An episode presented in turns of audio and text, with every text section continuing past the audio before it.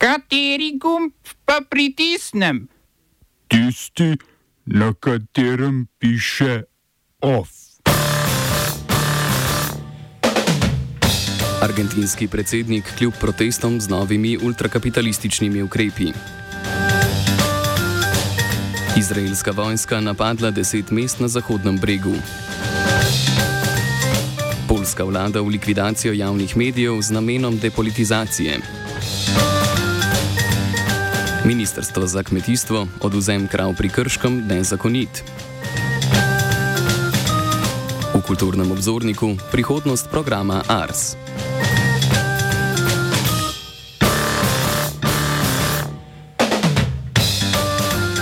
Dobr dan, poslušate poročila na Radiu Student. Polski minister za kulturo Bartłomiej Šenkjevič je oznanil likvidacijo treh državnih medijskih družb. To so Polska tiskovna agencija, Televizija Polska in Polski radio. Kot trdi, se je zato odločil zaradi veta predsednika Andrzeja Dude iz stranke Zakon in pravičnost na vladni predlog financiranja medijev. Likvidacija bi po njegovem zagotovila, da bi lahko mediji še naprej delovali, medtem pa bi lahko izvedli prestrukturiranje. Likvidacijo lahko država kot lastnik kadarkoli prekine. Nova polska vlada Donalda Tuska je ob prevzemu oblasti napovedala reformo javnih medijev in zagotovitev njihove neutralnosti. Vlada je ta mesec imenovala nove direktorje medijev, vendar je uprava, katere člane je nastavila prejšnja vlada, v torek mimo te odločitve izbrala svojega direktorja. Direktorji, ki jih je imenovala nova vlada, bodo kot likvidacijski upravitelji zamenjali trenutno upravo.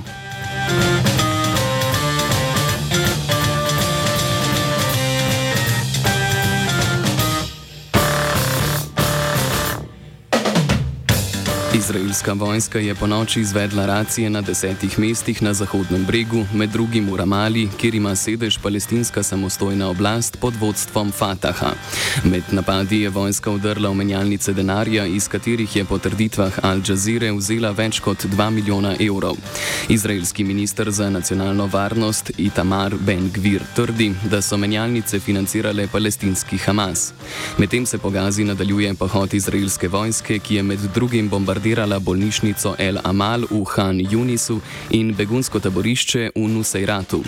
Po oceni Agencije Združenih narodov za palestinske begunce se s tveganjem lakote sooča 40 odstotkov prebivalstva Gaze, skupno število ubitih palestincev v Gazi.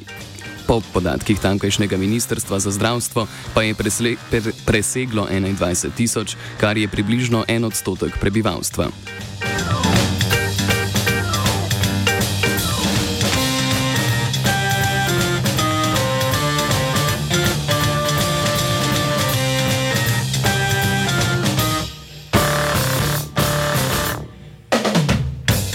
Več tisoč ljudi je na protestu sindikatov v Buenos Airesu izražalo nasprotovanje deregulacijskim ukrepom novo izvoljenega predsednika Javiera Mileja. Dekret, ki ga je sprejel prejšnji teden, predvidoma stopi v veljavo jutri, razen če ga prej zavrneta tako zgornji kot spodnji dom parlamenta. Protestniki razveljavitev dekreta zahtevajo tudi od ustavnega sodišča. Milej z dekretom ukinja več kot 300 zakonskih in podzakonskih aktov, ki regulirajo gospodarstvo. Med drugim ukinja omejitve višine najemnin, zaščito potrošnikov pred podražitvami, zmanjšanje odpravnine za nekrivdno odpuščanje in ukinja pravila, ki preprečujejo privatizacijo državnih podjetij. Dekret omejuje tudi pravico do stavke.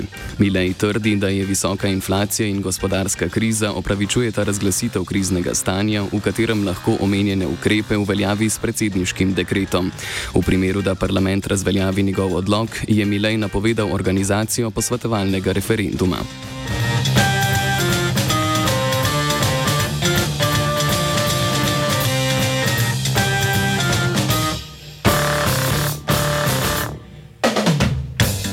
Mile je poleg tega v parlament uložil še spremembe več zakonov na področjih, ki jih predsednik ne more urejati z odloki.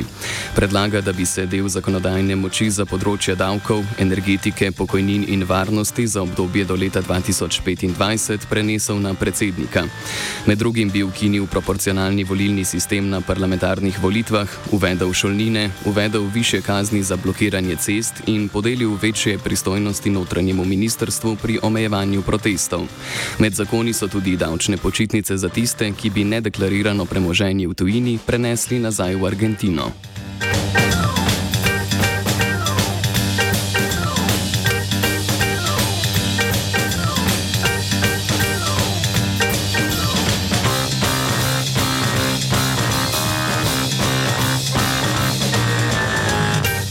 Romunski premijer Marcel Čolanko je sporočil, da sta se Romunija in Bolgarija z Avstrijo dogovorili o delni pridružitvi Schengenu.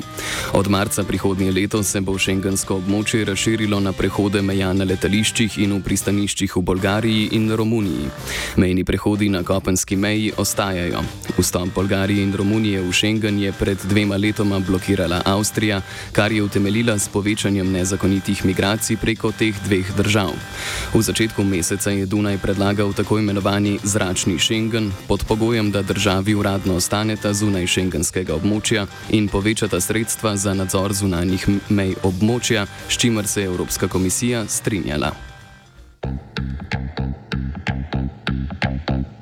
Smo se osamosvojili, nismo se pa osvobodili.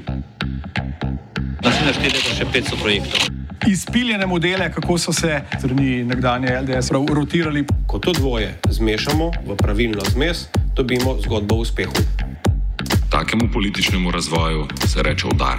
Jaz to vem, da je nezakonito, ampak kaj nam pa ostane? Brutalni obračun s politično korupcijo. To je Slovenija, tukaj je naša zemlja, to je Slovenija, Slovenija, Slovenija.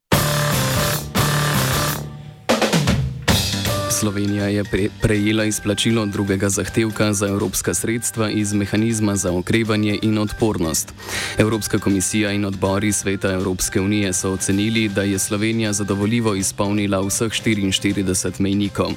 Drugi zahtevek sestavljata dva obroka nepovratnih sredstev v skupni vrednosti 226 milijonov evrov in 310 milijonov evrov prvega obroka posojila. Skupaj, se, skupaj je Slovenija do zdaj prejela 804. 14 milijonov za izvajanje načrta za okrevanje in odpornost, v okviru katerega se financirajo naprimer ulaganja v železniško infrastrukturo in protipoplavni ukrepi.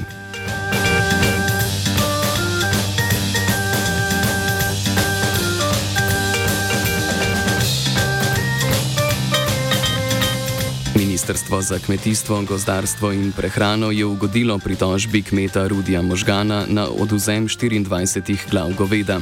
Živino je možgano v bližini Krškega veterinarska inšpekcija zasegla sredi novembra zaradi neprimernih pogojev, v katerih se je pasla. Po mnenju ministrstva je bila odločba o oduzemu živali nezakonita zaradi post postopkovnih nepravilnosti. Ugotavljajo, da uradna veterinarka Danuša Štiglic ni zapisala stanja živali v zapisnik in da je kršila zakon o upravnem postopku pri vodenju postopka in oduzemu živali. Veterinarska inšpektorica je to pojasnila s tem, da je bil kmet med oduzemom živali nasilen, zato zapisa ni mogla izvesti na samem kraju. Zadevo je ministrstvo vrnilo v ponovno preso presojo veterinarski inšpekciji v novem mestu. Že prej ta mesec je po poročanju dnevnika uprava za varno hrano zaradi kršenja zakonodaje izločila veterinarsko inšpektorico iz vodenja postopka, upravni inšpektor pa je od uprave proti njej zahteval disciplinski postopek.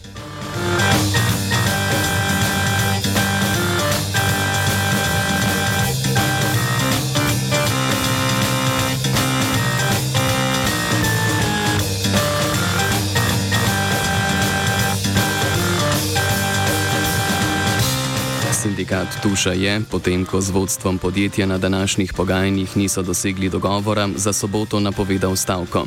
Stavka bo potekala v vseh poslovalnicah od 6. ure do povdne do 21. ure zvečer.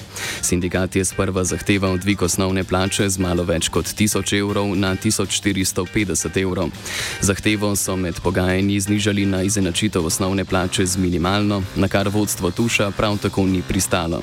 Sindikat zahteva tudi zamenjavo poslovodstva vodji, ki po njihovem nad zaposlenimi izvajajo mobbing.